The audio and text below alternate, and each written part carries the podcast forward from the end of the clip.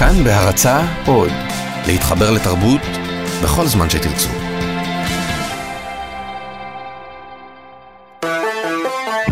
פסטיבל כאן. עם דני מוג'ה ויונתן גת.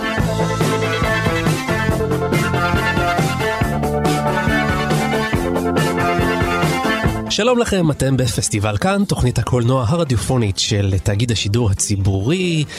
אני יונתן גת, ויושב מולי דני מוג'ה, שלום לך. שלום יונתן. ראש המחלקה לקולנוע בבית ברל. נכון. אני יודע שאנחנו מספרים למאזינים שלנו כל פעם בתחילת התוכנית מה אנחנו הולכים לעשות, אבל אנחנו נעשה את זה שוב ושוב ושוב ושוב כשטיפת מוח, עד שזה ייטמע בראשם של המאזינים. אז מה אנחנו הולכים לעשות, דני? תראה, בצורה הכי ברורה ופשוטה, אנחנו נדבר במשך 45 דקות על סרט אחד. כן. בניגוד נגיד לתוכניות שבהן מדברים על 45 סרטים בדקה אחת. זה ההבדל. הנה, כבר עקצת את המתחרים, אני אוהב את זה, דני. אבל רק צריך להגיד שהסרט שאנחנו בדרך כלל מדברים עליו הוא כזה שהוא מאוד uh, משפיע, uh, מצוטט, uh, סרט uh, נחשב, סרט uh, מצליח. כן, אהובים עלינו, אוהבים כן. על אחד מאיתנו לפחות, אבל לפעמים אלה סרטים גם שנשכחו, ולכן חשוב לדבר עליהם. Oh. היה להם מקום חשוב בהיסטוריה, והם קצת נשכחו, ואנחנו נכניס אותם לקונטקסט, מדברים על ההקשרים, על ההשפעות שלהם, ממי הם, אולי נרחיב ליצירות של הבמאי עצמו, אני מניח שאולי היום זה יקרה. כן, לא סתם השתמשת בביטוי סרט נשכח, כי זה בדיוק הסרט שנעסוק בו בתוכנית הזאת. הסרט הזה.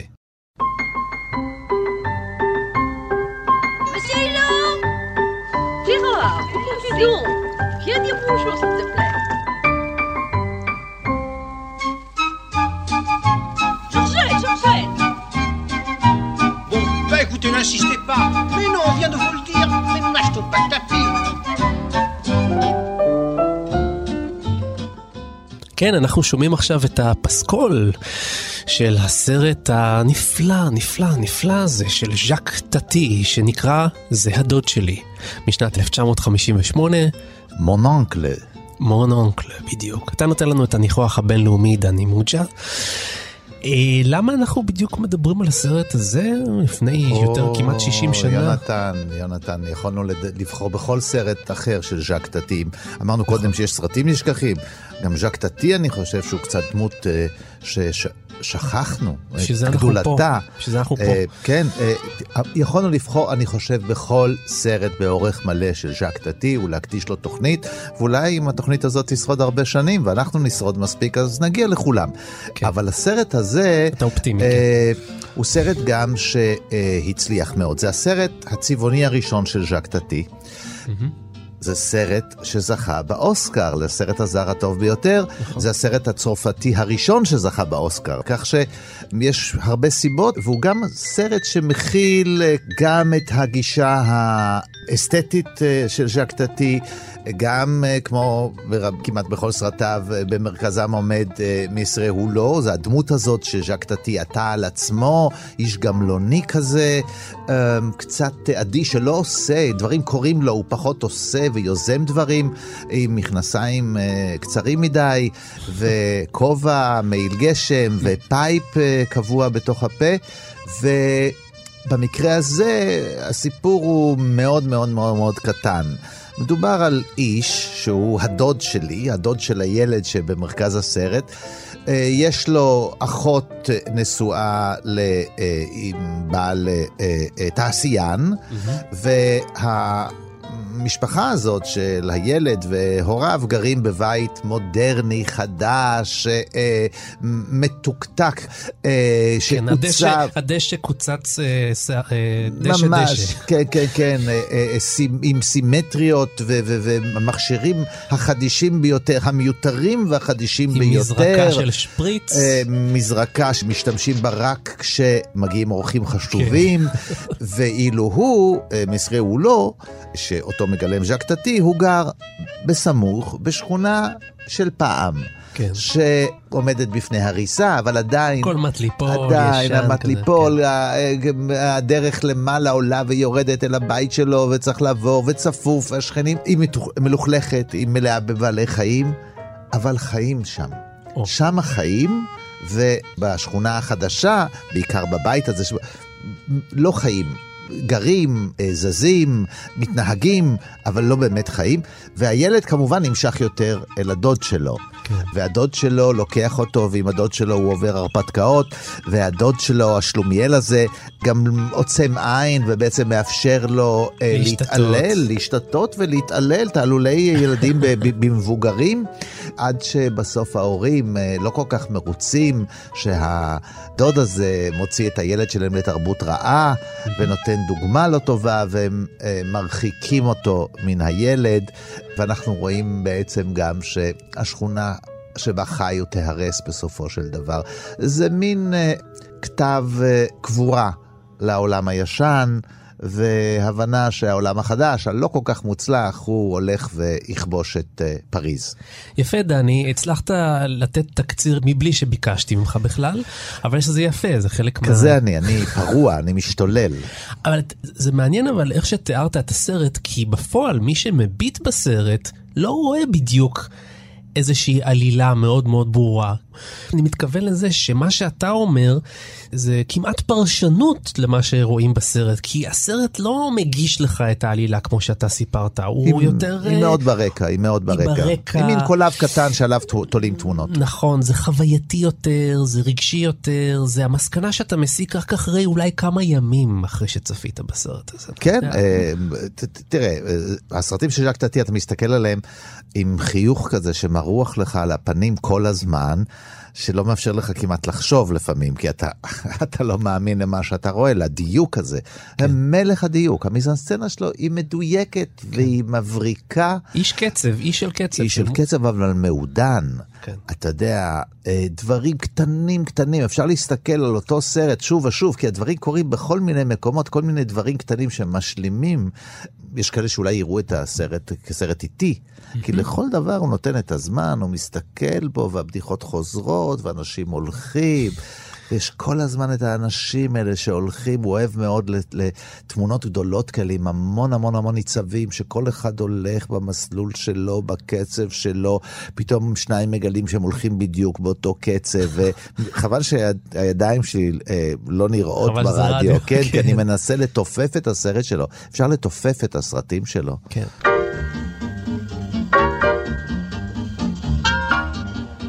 אתה יודע, אתה דיברת על זה שהשכונה עומדת להיחרב. כאילו זה, זה, השכונה הזאת זה זן נכחד ב, ב, בעיר הזאת של פריז. אבל אם תחשוב על זה, גם ז'אק טאטי בעצמו הוא זן נכחד. זאת אומרת, זה קומיקאי שלא נשארו כמוהו. טוב, תשמע, הוא, הוא, הוא הגיע בעצמו מאוחר. הוא עצמו מחיה קולנוע שהיה כבר זן נכחד. יש ביסוד ה... היצירה שלו חיבה לסרט האילם, כן? כן? יש, כן, התמונה והמיסנסצנה שהיא איתה מדברים. אבל יש אה, מומחים ממני לנושא, לא? אה, חד משמעית. יושב איתנו כאן אלון גור אריה, שהוא גם uh, במאי וגם תסריטאי וגם קומיקאי וגם מרצה, ובקרוב uh, הולך לצאת הסרט שלו, uh, מבצע ביצה, נכון. סרט שאתה ביימת בעצמך, שלום אלון. נכון, שלום, היי, מה קורה? מה שלום לכם. הכל מצוין, הכל מצוין. אז מה זה הזן הנכחד הזה? אתה יכול לספר לנו קצת על האיש הזה שקוראים לו ז'אק טאטי? תשמע, קודם כל... אני לא חושב שהוא נכחד, כי מה שהוא עשה משפיע על הרבה... תראו, היה ילד בן שמונה שצפה בסרטים שלו, הוא חי באנגליה, קוראים לו רואן אתקינסון, כן, הוא היה בכיתה של טוני בין, בלר, מיסטר בין, והוא כן. ראה את, ה, את הסרט הזה והוא נדהם, הוא, הוא ראה את החופשה של מרולו, את הסרט uh, לפניו, והוא נדהם, הוא היה אחראי על המקרנה בבית ספר, אז הוא היה תמיד מביא סרטים, uh, uh, כל מיני צ'רלי צ'פלין ולורל והרדי, ופתאום הוא התאהב בדבר הזה. ואז הוא התחיל לעשות קומדיה בשנות ה-70 וה-80, והוא דיבר המון. והוא ראה. שהוא לא מצליח מחוץ לבריטניה. ואז הוא נזכר בדמות הזו שהוא צפה בה בגיל שמונה, הוא אמר, מה, מה היה לו שהצליח לחצות את הים? אה, הוא לא דיבר, וגם אם הוא דיבר, לא היית צריך להבין צרפתית כדי לצחוק ממנו, ו... ואז הוא המציא את מיסטר בין. ואם אתם זוכרים, הסרט האחרון של מיסטר בין נקרא החופשה של בין. זו מחווה, החופשה שברור לו. אה, חופשתו של מה הוא לא, של ז'ק ואיפה הוא טטי. מתרחש? בריביירה הצרפתית, הוא רוצה להגיע לים, והוא משחזר שם גגים שלמים מכל הסרטים של ז'ק טטי. אבל לא יעזור לך, אני עדיין אשאל אותך, מי היה ז'ק טטי? תספר למאזיננו שיהיה קודם קצת כל- ישכילו. תראה, אה, אה, בצרפת הרי אומרים שהוא צ'רלי צ'פלין כזה שלהם. למעשה לא, הוא לא לגמרי צרפתי, היה לו סבא גנרל בצבא רוסיה, והצד השני של המשפחה זה היה הולנד ואיטליה מעורבב, הוא קוקטייל כזה. והעניין הוא שאבא שלו התחתן עם בת של יצרן מסגרות לתמונות. והוא עבד בעסק המשפחתי, הוא בכלל, הוא גם לא הלך לבית ספר, והיה הולך ולא מגיע, כן, לבית ספר, תמיד היה נלחם גם בדרך, פעם הוא היה מתאבק, הוא חטף משהו באף, והיה היה לו אף עקום כזה, זה היה... ו, אה, ומה שקרה איתו זה שהוא אמר, אני רואה את, החיים כמו במסגרת של תמונה, אני חי במסגרת של תמונה, ובגלל זה לפעמים צופים בסרט שזה כמו להסתכל במוזיאון, זה לא דמות שזזה ולוקחת את העיניים, אלא אפשר לראות פתאום כמה דברים שקורים בשוק במקביל. והוא היה ספורטאי טוב, הוא שיחק רוגבי וטניס, ובהפסקות, בזמן המשחק, הוא היה גם עושה הצגות לאנשים, וככה הוא התחיל להיות פנטומימאי. ומשם הוא התחיל, הוא צילם סרט קצר, שהוא היה מתאבק עם כמה גגים, ואז נתנו לו לעשות אודישן זה לפנטומימאי. נקרא... קראו לסרט הזה, תרגמו אותו להיזהר משמאל. יש שם קרב אגרוף, זה מ-1934. והעניין הוא שהסרטים הקצרים שלו בהתחלה לא כך הצליחו, אבל לאט לאט הוא פיתח עוד דמות של דבר, שצריך בכפר להעביר אה, דואר ממקום למקום, פתאום הוא נתלה על אה, חוט של פעמון ואף למעלה, פתאום הוא צריך לה... תופס איזה משאית ומתחיל להחתים חותמות תוך כדי נסיעה, ו...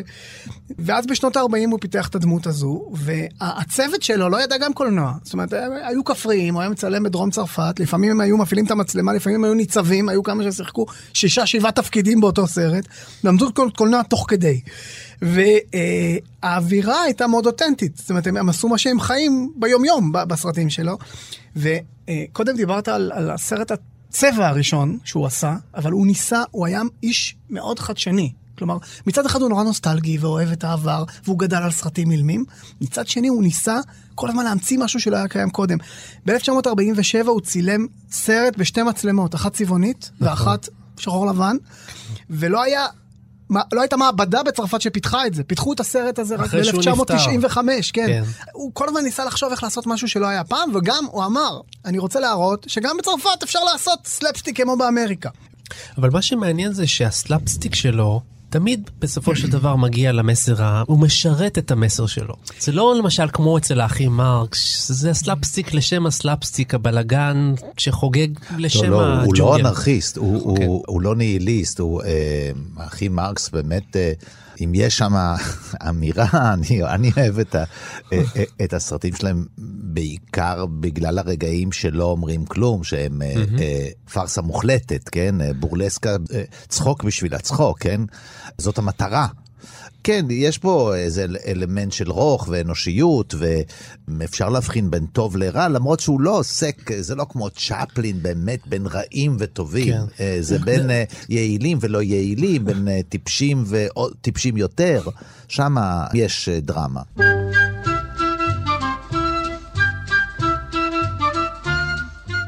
זה הזמן אולי רק להגיד מה, מה בעצם ז'אק טטי מנסה להגיד בסרטים שלו. קודם כל הוא מדבר על זה שהקדמה מסרסת אותנו. אני חושב שזה יותר חמור.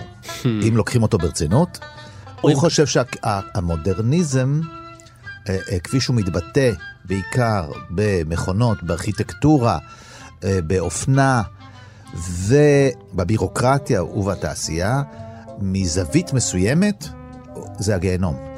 זה לא אה, רק אה, אה, הטרדה, זה הגיהנום. יש אה, אה, אה, תיאור מאוד יפה של סצנה באחד הסרטים שלו, שמישראל הוא לא מחפש מישהו אחר. כשהוא נמצא במרום הדרגנוע, אז הוא יכול לראות למטה, כי זה open space, אז הוא עוד כן. יכול לאתר אותו, אבל כשהוא יורד למטה, פתאום הקיר נהיה אטום. כן. זאת הירידה לגיהנום הוא של לא מוצא הבירוקרט. אותו באמת. זה כן. הגיהנום. כן. אני יכול להגיד, אבל. גם, אתם יודעים שגם את המעשים הטובים שלו, במידה והוא עושה אותם, הוא עושה אותם כלאחר יד, הוא לא בגלל שהוא רוצה להתחנף, לא בגלל שהוא רוצה... אין לו כמעט רצונות. לא רק למ- למסחרי הוא לא הדוד, בכלל ל- ל- למסחרי הוא לא בכל הסרטים. הוא פעם עצמו הסביר, ז'קטטי, מה ההבדל בינו לבין uh, צ'פלין. מסחרי הוא לא מוצא את עצמו בסיטואציה שגלגל נופל לו, כשהוא מחליף גלגל, אה, וכשהוא מרים אותו. הגלגל מתמלא, היה לח, הוא מתמלא בעלים יבשים. כן. ואז עוברת אה, לוויה. ולוקחים ממנו את הגלגל אה, ואומרים לו תודה. והוא נותר ללא גלגל. ללא-. כן. אז הוא אומר, אתה יודע מה ההבדל ביני לבין צ'פלין? צ'פלין, כשהוא היה בסיטואציה הזאת, הוא היה כל כך נבוך, הוא בעצמו היה מדביק את העלים ונותן אותם כדי להיות בסדר. לי זה קורה. זה ההבדל, הדברים. קורים לו. איך הסרט הזה נולד? זאת אומרת, אחרי מרולו שהוא... אה, ז'אק טאטי קיבל הצעות אה, לעשות סרטים בהוליווד. אה, ז'אק טאטי כובש את אמריקה. מרולו כובש את הוליווד, הולך מערבה, כל מיני... והוא- אמר לא להכל. ואמרו לו, אתה, אתה השתגעת, זה, זה, זה במאי צרפתי, ועוד בשלב כל כך מוקדם. והוא אמר, הוא אמר, לא, לא, אני, אני, במקרה, זה קרה לי, בדיוק כמו שאתה אומר.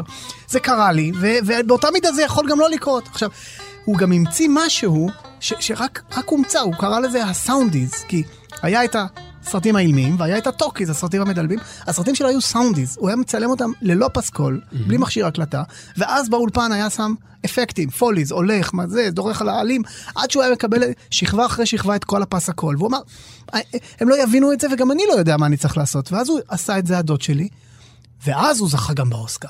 וזה מאוד נחמד להגיע לארה"ב בפעם הראשונה בחייך עם פסלון ביד. הוא אמר התחלה לא רעה. אה, אה, בכל זאת, אמריקה הייתה בחזון שלו, של הסרט הזה. את הסרט הזה צילמו בדרום צרפת, באולפן ליד ניס, ואת כל התפאורה הנפלאה הזאת אה, הרסו מיד אחרי הסרט, אה, וחבל. ו... אבל צילמו שתי גרסאות. צילמו גרסה בצרפתית, וצילמו גרסה באנגלית. עכשיו תשאל, רגע, אבל אמרת שאת כל הדיבור הקליטו אחרי הסרט. אבל יש פה שלטים. נכון. והגרסה באנגלית היא קצרה יותר. אם אתם זוכרים, הפתיחה הנפלאה שרואים אתר בנייה, והמצלמה משתתת על פני אתר הבנייה ומתחילה לרדת על פני השלט הזה שבו בדרך כלל כתוב קבלן, חשמלאי, אינסטלטור וכולי וכולי וכולי, ומסתבר לך שהשלט הזה הוא הקרדיט של הסרט, לסרט. ולאט לאט מגיעים למטה ומגיעים לז'אק טאטי. כן. גם את השלט הזה צילמו פעמיים. כן. פעם אחת שיהיה כתוב דירקטור ופעם אחת מטרון סן בצרפתית. זאת אומרת, השמות אה, נשארו אבל החליפו את המילים וגם כל השלטים בכל שלטים מקום ברחוב שהיה. וב- כן, כן. כן. אחר כך יצרו גרסה עם דיבוב צרפתי ועם דיבוב באנגלית. גם בגרסה האנגלית שמכוונת הייתה לארצות הברית, השאירו ברקע את המלמולים הם בצרפתית. כן, הכלבים נובחים גם בסרט אה, אה, האמריקאי בצרפתית.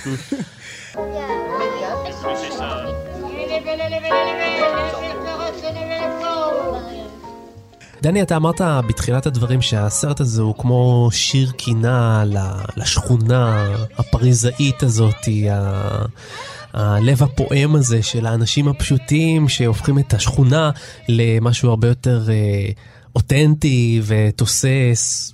וח... כן, החיים, יש שם חיים, שם החיים. כן, אה, כן. בשכונה החדשה, שלא רואים ממנה הרבה, ב... בעיר המודרנית מתים.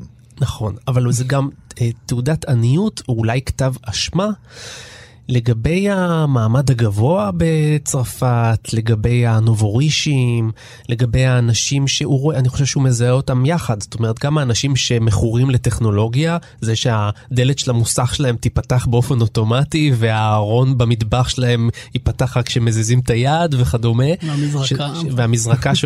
וכן, שזה כאילו, זה נראה שם שיא הגיחוך, היום זה כבר קורה כמובן אבל, מאליו.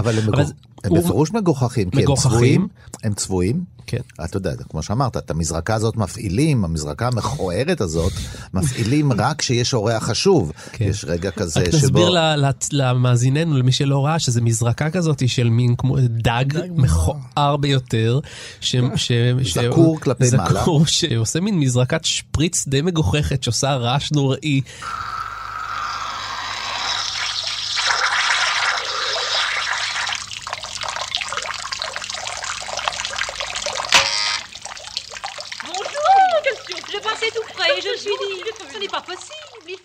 טעם רע שרק נובוריש יכול להרשות לעצמו גם לקנות וגם לבחור. אותו רק עבור אורח חשוב. כן. יש רגע כזה אה, שבו אה, היא פותחת, היא תמיד מפעילה אותו, האישה, כשיש צלצול בשער, כן. היא פותחת ואז היא רואה שזה שזה רק בעצם הדוד רק- אז היא סוגרת את המזרקה. אז זה מאוד מעליב הסרט הזה. הסרט הזה אמור לגרום לאנשים עשירים די להתבייש. אה, שזה נחמד במידה אה, מסוימת. לא, אז, אז כן, אז תקפו אותו בחזרה. אפילו הוא הואשם שזה באמת סרט כזה שמתאים לגל השמרני החדש הזה שהיה בצרפת בשנים האלה, משתפי הפעולה בימי אה, מלחמת העולם השנייה, שהפכו לכוח מאוד מאוד חשוב בפוליטיקה הצרפתית, הבורגנים הקטנים, הזעירים, שרק צרפת, נגד אה, יבוא, נגד אה, כניסה של אמריקניזציה, הצרפתים בכל צד יכולים כאילו להגן על עצמם מפ- מפני האמר- האמריקניזציה, והוא הואשם באמת בשמרנות בצרפת, ראו בזה סרט רגרסיבי ופוליטי, לא כולם. כן. מה שמעניין זה שבארצות הברית, גם בארצות הברית, בסוף שנות החמישים, התחיל גל כזה שנבהל קצת מהטכנולוגיה, מהמודרניזציה, והגל הזה, אה, מימין ומשמאל, הוא זה שבעצם שטף איתו את הסרט. כי הסרט הצליח מאוד גם בארצות הברית, זה די מפתיע, אתה מסתכל על הסרט הזה, זה לא בדיוק הסרט שאמור להצליח בארצות הברית. נכון. הוא לא אומר, תראו איזה טכנולוגיה מדהימה, הוא גם פה גם מגחך אותה, כי היא אף פעם לא יעילה. היא תמיד מורכבת, מסובכת, גם כשהם מפעילים אותה, לא רק שהוא כן. השלמה, זה גם וזה כשהם תמיד, מפעילים וזה אותה. תמיד מתפספס, זה אף פעם לא בדיוק. בסופו של דבר, כשהעולם קיבל אותו והוא הגיע עם האנגלית הגרועה שלו לטקס האוסקר, יש להם איזה מנהג שם, הם אמרו שמגיע מישהו זוכה, ככה נותנים לו לבחור מי שהוא רוצה להיפגש איתו לארוחת ערב, אה, ואמרו לו, מרילין מונרו אפילו התעניינה. והוא אמר לא, לא, לא, ואז אמרו לו, אה, אתה רוצה סופיה לורן, משהו מאירופה? והוא אמר לא. כן, ואליזבת טיילור, רצו, כולם רצו לצלם אותו, את הצרפתי, מה... למרות שהוא מפריז, אבל בשבילם הוא מצלם סרטי כפר, ואז הוא הוציא פתק מקופל מהכיס, והוא אמר את אלה אם אפשר. והם הם, הם היו בתדהמה, אמרו לו, אתה יודע שכל אלה בבתי אה, גיל הזהב כרגע. ו- והביאו לו את בסטר קיטון, הביאו לו את לורל, מלורל והרדי, הרדי כבר לא היה בחיים. כן. ואת הרולד לויד, ההוא שנתלה על השעון, גם יושב איתו, ובאותה ארוחה גם היה מק סנט, שהוא היה מפיק וואו. אה, של סרטים, הוא זה שהמציא את העוגת קצפת בפרצוף. כן. אז פתאום מייקל הוא- סנט, רק תסביר למאזיננו, אבי אבות סרטי הסלאפסטיק הראשונים. שנתן עבודות ראשונות לצ'פלין ולכולם, ו- ו- ואמרו לו, למה? הוא אמר, אני רוצה לגעת בהגדה ולהגיד תודה. הוא אמר, הגעתי עד כאן, איך לא אפגוש אותם? מספרים שהסרטים האילמים, כבר המציאו את הקולנוע המדבר, אף אחד לא רצה לראות סרטים אה, מדברים בהתחלה. אז, אז, אז הוא, הוא, הסאונדיז האלה היה מין איזה... משהו היברידי של ביניים כזה שנהנה משני אה, העולמות. זה חשוב אה, אה, שאתה מציין שזה סאונדיז ולא... בעברית אומרים, יש בכמה שפות, אתה יודע, יש, יש סרטים שקטים בשפות מסוימות, סיילנט באנגלית, ויש ארצות שאימצו את, ה, את הנכות, כאילו, הסרט האילם, זאת אומרת, ממש, זה ציון לנכות. אבל, אבל הוא באמת, מבחינה זאת, מתחבר לחבורה של מתנגדי הסאונד, כמו צ'פלין ועוד uh, במאי של קומדיות. רנה קלר, הצרפתי, שגם הוא עשה סרט בגנות הטכנולוגיה, mm-hmm. ואמרו שבעצם, למה לעשות את הסרט הזה, את הדוד שלי, במה יש בו צורך? כבר עשו את לנו החופש, וכבר עשו את זמנים מודרניים, מה צריך עוד סרט? Uh, uh, ב... אבל הם חששו מאוד מ... מן המילה המדוברת. הם לא הסאונד הפחיד אותם כל כך, כמו המילה שהיא תחליף את כל הקולנועיות. כי הסתפקו בלדבר ולא יצלמו ולא יראו. אז... צדקו גם. כן, הוא באמת, בוודאי בשנים הראשונות, אז הוא הוריד את ה... צורך בדיבור, אבל הסאונדים כן, כי הוא לפעמים יש סצנות שלמות ש... הם רק סאונדים, זאת אומרת, אתה יכול רק להקשיב להם, אתה יודע, אבל הוא מתעניין באמת בסאונד שעושה כרית. כן. איזה רעש יוצאת מכרית סקאי. או מכיסא שיושבים עליו, כן, כן. מהכיסא, כרית של כיסא עור כיסא, כזה, כן, כיסא כן. עור שיוצא ממנו לאט לאט האוויר, בדיוק מהאזור היותר נמוך של הגוף. זאת אומרת, חריקת הנעליים, כן, הדלתות שכל פעם איך שהן נסגרות ונפתחות, הכפתורים, הצפצופים. המטרד, המטרד, הרעש, המטריד שברעש הקטן הזה שפתאום קורה ומפריע. התיאבון שלו לחקור את העולם הזה של הסאונדיז, שהוא הרגיש חלוץ, אחר כך היו כאלה שהמשיכו, כל מיני עוזרים שלו, פיירה טקס למשל, ש... גם כן יצר סרטים שעובדים על פסקול באותה שיטה. והוא התחיל את הז'אק טאטי, הוא היה העוזר שלו. ו, אה, אבל מצד שני, הוא חקר את זה כל כך, אה, שבסרטו הבא הוא כבר אמר שההצלחה שלו תהיה אם הוא יצליח להראות עיר וישמעו סיכה בקצה הרחוב. כן. הוא ידע שהצליח. ומתישהו הוא כבר התמסר לחלום הזה והתחיל לאבד את הקהל. כן. יש קטע שממחיש את הסאונדיז הזה מצוין בסרט הזה. הרגע שהוא מכוון את החלון בדירת הגג הרעועה שלו, בדיוק לציפור הכנרית שיש לה קן מול החלון, והיא מצפצפת בכל פעם שהוא מסנוור אותה. שרואים שהשמש... או מ- מחמם אותה. או מחמם אותה, אז היא מבסוטית.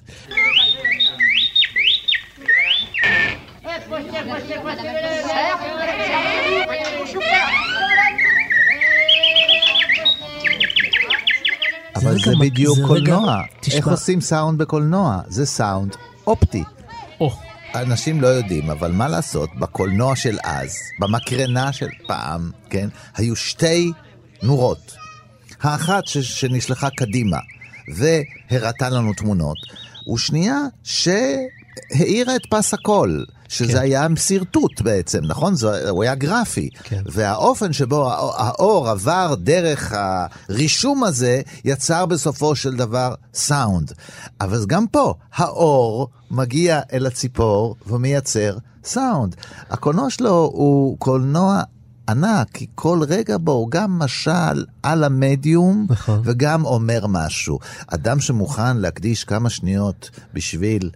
או, ת, אה, אה, זה, זה פרשנות, אחד יגיד בשביל להציק לציפור ולגרום לה לצייץ, כי זה הילד שבו, ואחר יגיד לא, זה הצד האנושי שבו, נותן כדי לגרום לה לציפור. לשיר. כן, היא שרה בגלל שקצת חמים לה פתאום, כי היא מתגוררת בקיר שאין בו שמש, אז כן. הוא מספק לה את השמש. זה, אני חושב שזה ז'אק טאטי, פיור ז'אק טאטי הרגע הזה, מכיוון שהוא, הוא, אתה אומר, מקדיש לזה כמה שניות, זה, בקולנוע זה הרבה להקדיש לרגע הזה סצנה שלמה שהיא היא לא ממהרת. זה לא בהיסח הדעת. זה- וחוזרת פעמיים. וחוזרת פעמיים, כן. כמו המקבילה שלה, אגב, יש לו שכנה למטה. ילדה שהיא לא ממש כבר ילדה. נכון. אמנם היא נותנת לו בומבון, Monsieur Hulot, vous voulez un bonbon Si. הנה הבאתי לך בוטנים, בארץ, נכון? אה, כן. את הבומבון בשיר המפורסם תרגמו, של ז'אק ברל, תרגמו ברל. כן. לבוטנים.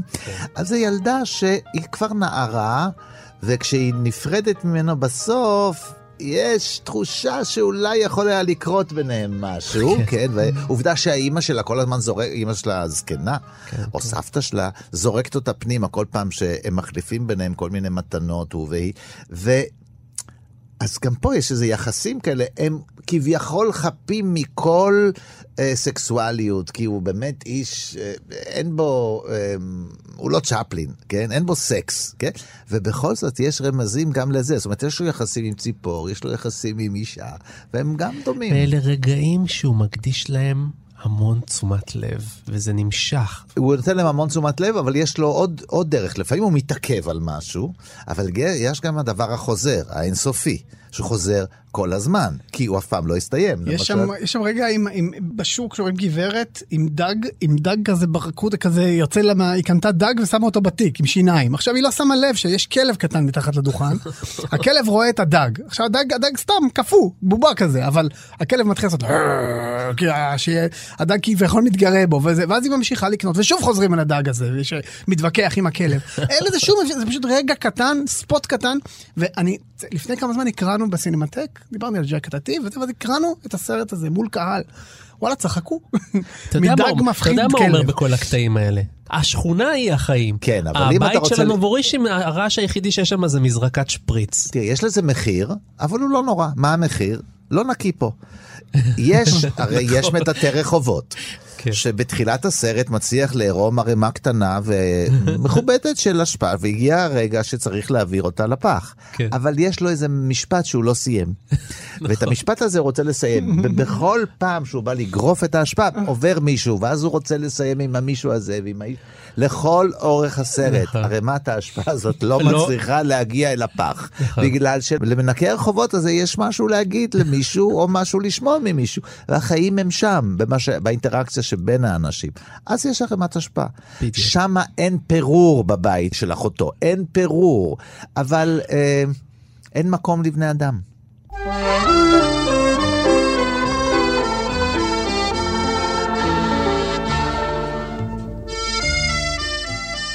טוב, אתם יודעים, בשביל לעסוק בסרט אה, כזה, אנחנו זקוקים אה, להפעיל את התותח הכבד ביותר שנמצא אה, בסביבה, וזהו מבקר הקולנוע המיתולוגי וחוקר הקולנוע, נחמן אינגבר, אהלן. שלום, יונתן. רציתי לשאול אותך, למה יש לי תחושה שאין יותר מקום לסרטים כאלה היום? אין יותר מקום כי אנחנו ויתרנו על מה שנקרא קולנוע אישי, קולנוע ייחודי, קולנוע יוצא דופן, בעיקר קולנוע שמשקף את האישיות של האיש שעשה אותו. כן. קולנוע כזה כמעט ולא קיים היום. היום אנחנו או רואים סרטים אה, הוליוודיים, או רואים סרטים שיש בהם מימד אה, של אה, סנסציה כזאת או אחרת. חוץ מ, אני יודע, מיוצר כמו מיכאל הנקה, מהמם. לא שרד אה, דור הענקים האלה, אתה יודע שהאישיות משפיעה על הקולנוע שלהם. כן. רציתי לדעת, למרות כל ההסברים שגם בארצות הברית היה סוג של אה, קהל שהיה מוכן לזה, עדיין זה מפתיע אותי שגם הסרט זכה באוסקר וגם אה, הצליח בארצות הברית. תראה, הוא הצליח הצלחה אדירה בישראל, בזמנו כולם דיברו עליו, כולם ראו אותו, אני חושב שמכל הסרטים של ז'אק טאטי, שכולם בינינו דני כישלונות בארץ שלא נדע. אה, הסרט הזה היה ההצלחה היחידה, כי הוא טעם לזמן ולמקום שבו הוא נוצר.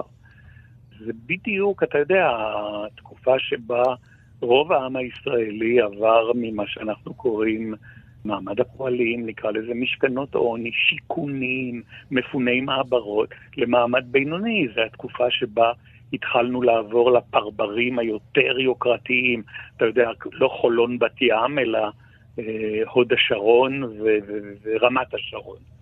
אה, והסרט לוכד בדיוק את הרגע הזה, שבו אתה מוותר על, על חום אנושי שמאפיין, אתה יודע, שכונות ותיקות, ועובר לקור מזעזע, לא רק בתחום העיצובי, כי uh, ז'אק טאטי עובד גם על צבעוניות נפלאה.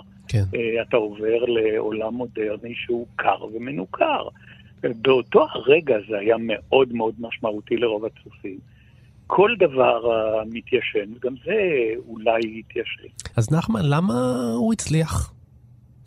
הוא, הוא הצליח, הצליח. פרח ו- הוא- ונעלם, כאילו, לעומת ש... הוא הצליח כי הוא היה נכון לזמנו. זאת אומרת, תחשוב על זה, הסרטים שלו הם מסוף שנות ה-40 עד נגיד שנות ה-70, אבל ההצלחה הגדולה שלו היא בשנות ה-50 וה-60. זה היה עולם אחר, זה היה עולם אחר. זה היה עולם, שוב, אני חוזר, בלי סמארטפונים ובלי אינטרנט, זה היה עולם, ש... עולם שנע בקצב מאוד מאוד איטי. אוי ואבוי, אם היה, אם היה סמארטפון, אתה יודע מה הוא היה עושה בסרטים שלו. כן, אני מדמיין, כן. תחשוב על זה שגם לראות יצירות ותיקות של הטלוויזיה הישראלית, שלא הייתה בשנות ה-50, שהתחילה בסוף שנות ה-60, זה מאוד מאוד קשה, בגלל הקצב שנראה היום. מאוד מאוד איטי. אבל מצ- זה לא פוגם באיכות של הסרטים. אני חושב שהיכולת של אה, טאטי לעצב עולם משלו עוברת את הזמן. אבל אתה יודע, זה מתאים למוזיאונים, זה מתאים לשימור ערכים מן העבר. כן. אבל אתה יודע, ומצד שני, הסרטים שלו הם מאוד אידיאולוגיים, מניפסטים ממש. אה, הוא... אה, כן. אמ, הוא אפילו, כן, הוא, הוא עושה. הוא אפילו עושה שיימינג ממש למעמדות, כן. למעמד הגבוה, נכון. נכון? נכון? הוא אומן שמבכה משהו שהלך לאיבוד, ומה שהלך לאיבוד זה חום אנושי. החום האנושי הזה. איפה אתה מוצא אותו היום? הוא לא קיים, באופן עקרוני. אה, די מהר, אה, טריפו כבר הרגיש שהוא צריך אה, להזכיר אותו. בסרט שלו, אהבה במנוסה, נכון. הוא פתאום חולף, הוא, הוא ניצב כמעט, כן? ו... ואמרת שהוא נסע במכונית, ב- באופניים, ואחר כך נוסע במכונית. נכון. אצל טריפו הוא כבר נאלץ לנסוע ברכבת התחתית. כן. אה, אני, אה, תראו, אה, קשה מאוד להתנבא, אבל אני מאמין, שיום יבוא, והוא די קרוב, שתהיה חזרה מדהימה לעולם של ז'אק טאטי. יש, אפשר, אני. חושב שאיליה סולימן, יש בו, אצל איליה סולימן נכון. רואים אלמנטים של ז'אק טאטי. אתה צודק, איליה סולימן, ויש לו גם פה ושם ממשיכי דרך בקולנוע הפלסטיני הישראלי, הוא לא לבד. ההומור, אתה יודע, השקט הזה, העדין הזה, האירוני הזה. אני, תראה, גם אה, המורה הגדול שלו, בסטר קיטון, לא נמצא כרגע בשיא תהילתו. אני מאמין שהם יחזרו. כן. נחמן אינגבר, אתה כרגיל עוזר לנו להבין יותר טוב את הדברים, את החיים. ואת הסרטים. תודה רבה. תודה. ביי ביי.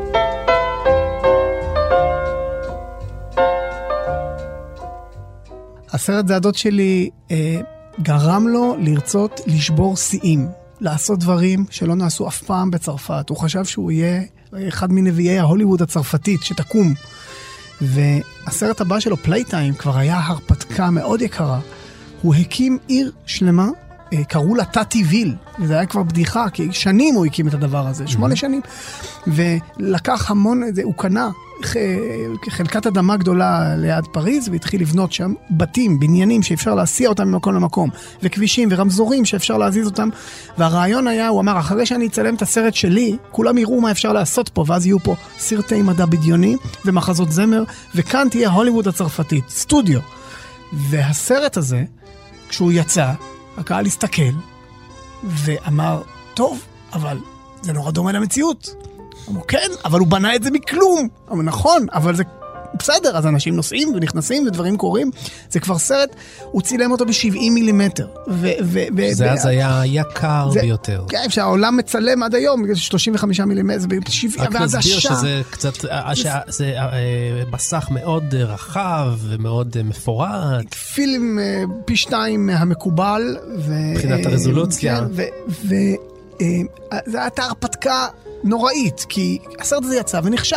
עכשיו, זו הייתה גרסה של כמה שעות, והוא קיצר אותה לשעתיים וחצי, ואז לשעתיים ורבע, ו- ו- ואמרו לו, זה לא, אין, אין פה עלילה, אתה לקחת את זה למקום כבר רחוק מדי, התרחקת מהקהל.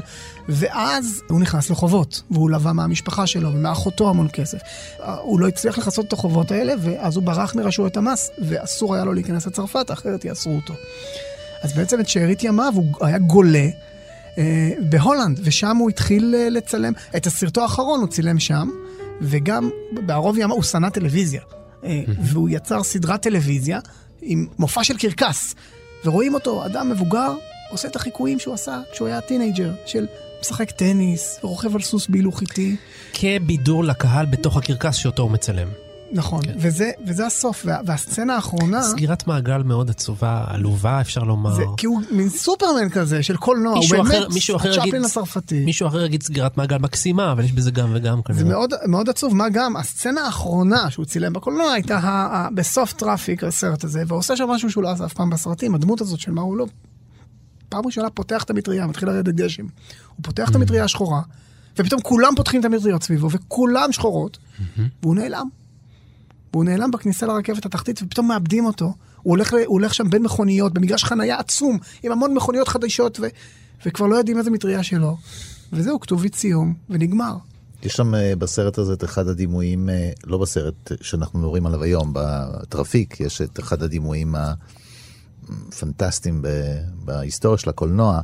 בשלב מסוים עם המכונית, הוא צריך, העלילה, אם יש עלילה, הוא צריך להביא מכונית אה, אה, מלאה פטנטים כזו ליריד מכוניות. ובדרך הוא נתקע במוסך, והמוסכניקים לא מזדרזים אה, לקום, משום שהם צופים בנחיתת האדם על הירח. אה, כן. לאורך הדרך רואים. עכשיו, יש פה שני דברים פנטסטיים שקורים. מצד אחד, כאילו, זה אומר, האדם כבר הגיע לירח, והנעבך הזה עוד לא הצליח להגיע ליריד. אבל הד- הדבר השני, זאת האמירה שלו על קולנוע. המוסכניקים, בחיי יום-יום, כשהם קמים מהצפייה בטלוויזיה, מצעד קטן לאדם, צעד גדול לאנושות, הם קמים בסלואו מושן, והולכים לאט אל תיקון המכונית שלו. ספק זה השפיע עליהם, ספק הם עושים גג, אתה לא יודע איך, אין, אין לזה הסבר, זה מחוץ לעולם, זה אמירה של תתי, הוא מייצר דימויים כאלה שהם באמת, אה, אתה עומד מול הדבר הזה נפעם, והדימויים שלו הם פתוחים. דימוי פתוח הוא דימוי שלא מיד אתה מבין, אה, זה אומר שהוא רע והוא טוב. לא. כן. הדימוי נשאר איתך, אתה יכול לעשות המון דברים. המקום הזה, התת-טבעי לזה, שהוא הקים בהמון כסף, הוא, הוא ניסה לשכנע את uh, ממשלת צרפת uh, שיהפכו את זה למשהו, להלאים את זה איכשהו, לכסות, ושר התרבות אז לא התעניין, היום יש שם כביש מהיר, רב מסלולי. אז...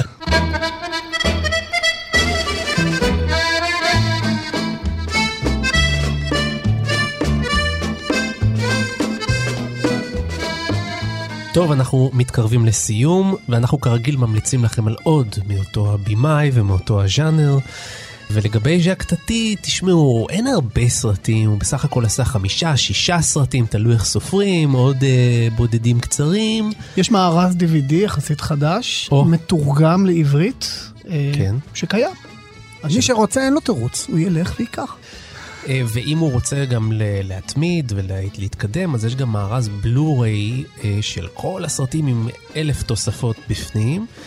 אה, אבל במה צריך להתמקד לדעתכם? דני, מה הסרט אחרי זה הדוד שלי, במה צריך לצפות?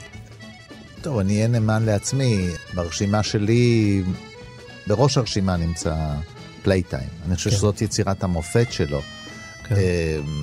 גם בשל האסתטיקה היוצאת דופן, גם בשל הצורה שבה הוא מדבר בה למשל על טלוויזיה, הוא מתבונן על בניין, ובכל חלון זה אה, אה, בעצם שידור של תוכנית אחרת. אמ, וגם, זה הסרט שבו אה, הוא שכפל את עצמו. יש אה, יותר ממה הוא לא אחד, הוא כן. מופיע, יש שלב מסוים שאתה לא יודע. והכל זה פרשנות, זה טקסט שהוא ניתן לפרשנות. יש שם רגע אדיר אחד, שהאיש המעלית מחכה לפקיד שיגיע, והוא מצולם באופן כזה, שאנחנו שומעים את הצעדים של הפקיד כאילו שנייה עוד, עוד רגע אצלנו. וכל פעם שאנחנו חושבים שהוא עוד רגע מגיע, הוא עדיין, עדיין מתרחק. הוא מתקדם ולא קורה כלום, הוא לא מגיע. נכון. הוא הולך והולך והולך והוא עוד לא מגיע. שזה ת- דקות ארוכות. כלום, זה סאונד. דתי משקיע. זה תיאור של. זה תיאור של מה עושה עדשת טלפוטו. כן. טלפוטו גורמת לאדם להיראות כביכול קרוב, אבל כשהוא מתקרב, הוא מתקרב, הוא מתקרב, ואתה רואה שהוא לא הגיע אליך. כל רגע אצל תתי, כמו שאמרתי קודם, הוא גם אמירה על קולנוע.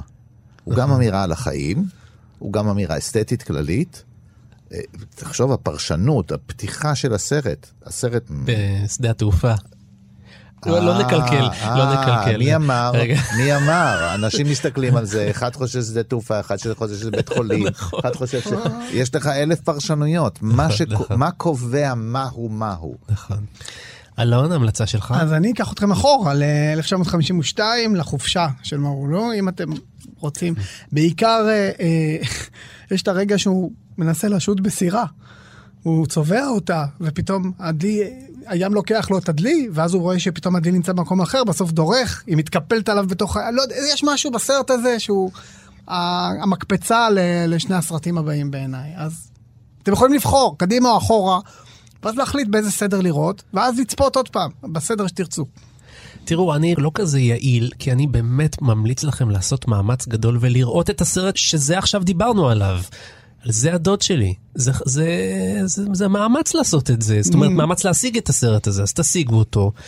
צפו בו בעיניים גדולות, בלי להפסיק, בלי לעצור. תחוו חוויה שלא חוויתם בשום מקום אחר. אם אחר כך תרצו עוד קצת מזה, אז תעשו את כל מה שדני ואלון אמרו. פלוס, באמת תצפו בסרט Trafic. יש שם רגע אחד, הרגע התאונה. אני חושב שזה אחד הרגעים שאני חושב שפשוט צרחתי מצחוק בבית. ממש צרחת צחוק טובה כזאת. זה לא הסרט הכי טוב שלו מכולם, אבל דבר זה- מוביל לדבר, מוביל לדבר. זה כמו שאתה כן. אמרת, כן, זה, זה Monsieur Hulot בפעם האחרונה. מצד שני פשוט זה נהדר. אולי לא הכי טוב, אבל זה, אם אפשר להגיד כזה דבר על תתי, זה הסרט הכי מסחרי שלו. נכון. במובן הזה שהוא הכי קל, הקצב קצת יותר גבוה. אה, הבדיחות הן... אה, יותר קומוניקטיבי קצת. יש, יש חדש. משהו, כן, נכון. כן, כן. ואם כן. אתם רוצים משהו ככה ממש לקינוח, אז צפו בסרט הקוסם, האילוזיוניסט. עכשיו, זה לא סרט של תתי, אבל זה על פי תסריט שהוא כתב, ונלקח על ידי סילביאן שומה, שזה הבמאי צרפתי שעשה גם את אה, שלישיית בלוויל.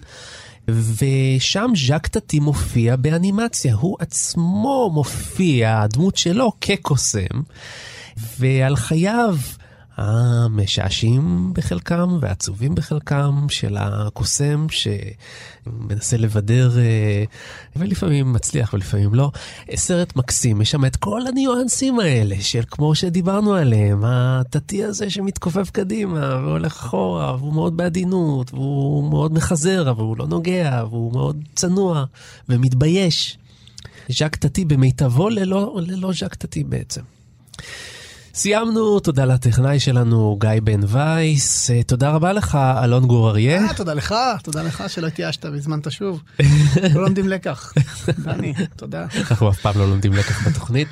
ואתם כמובן מוזמנים להיכנס לעמוד הפודקאסטים של אתר תאגיד השידור הציבורי. אה, כאן... פוד, פודקאסט. פודקאסט, יש דבר כזה, דני מוג'ה, הגיע הזמן שתתעדכן. בתור.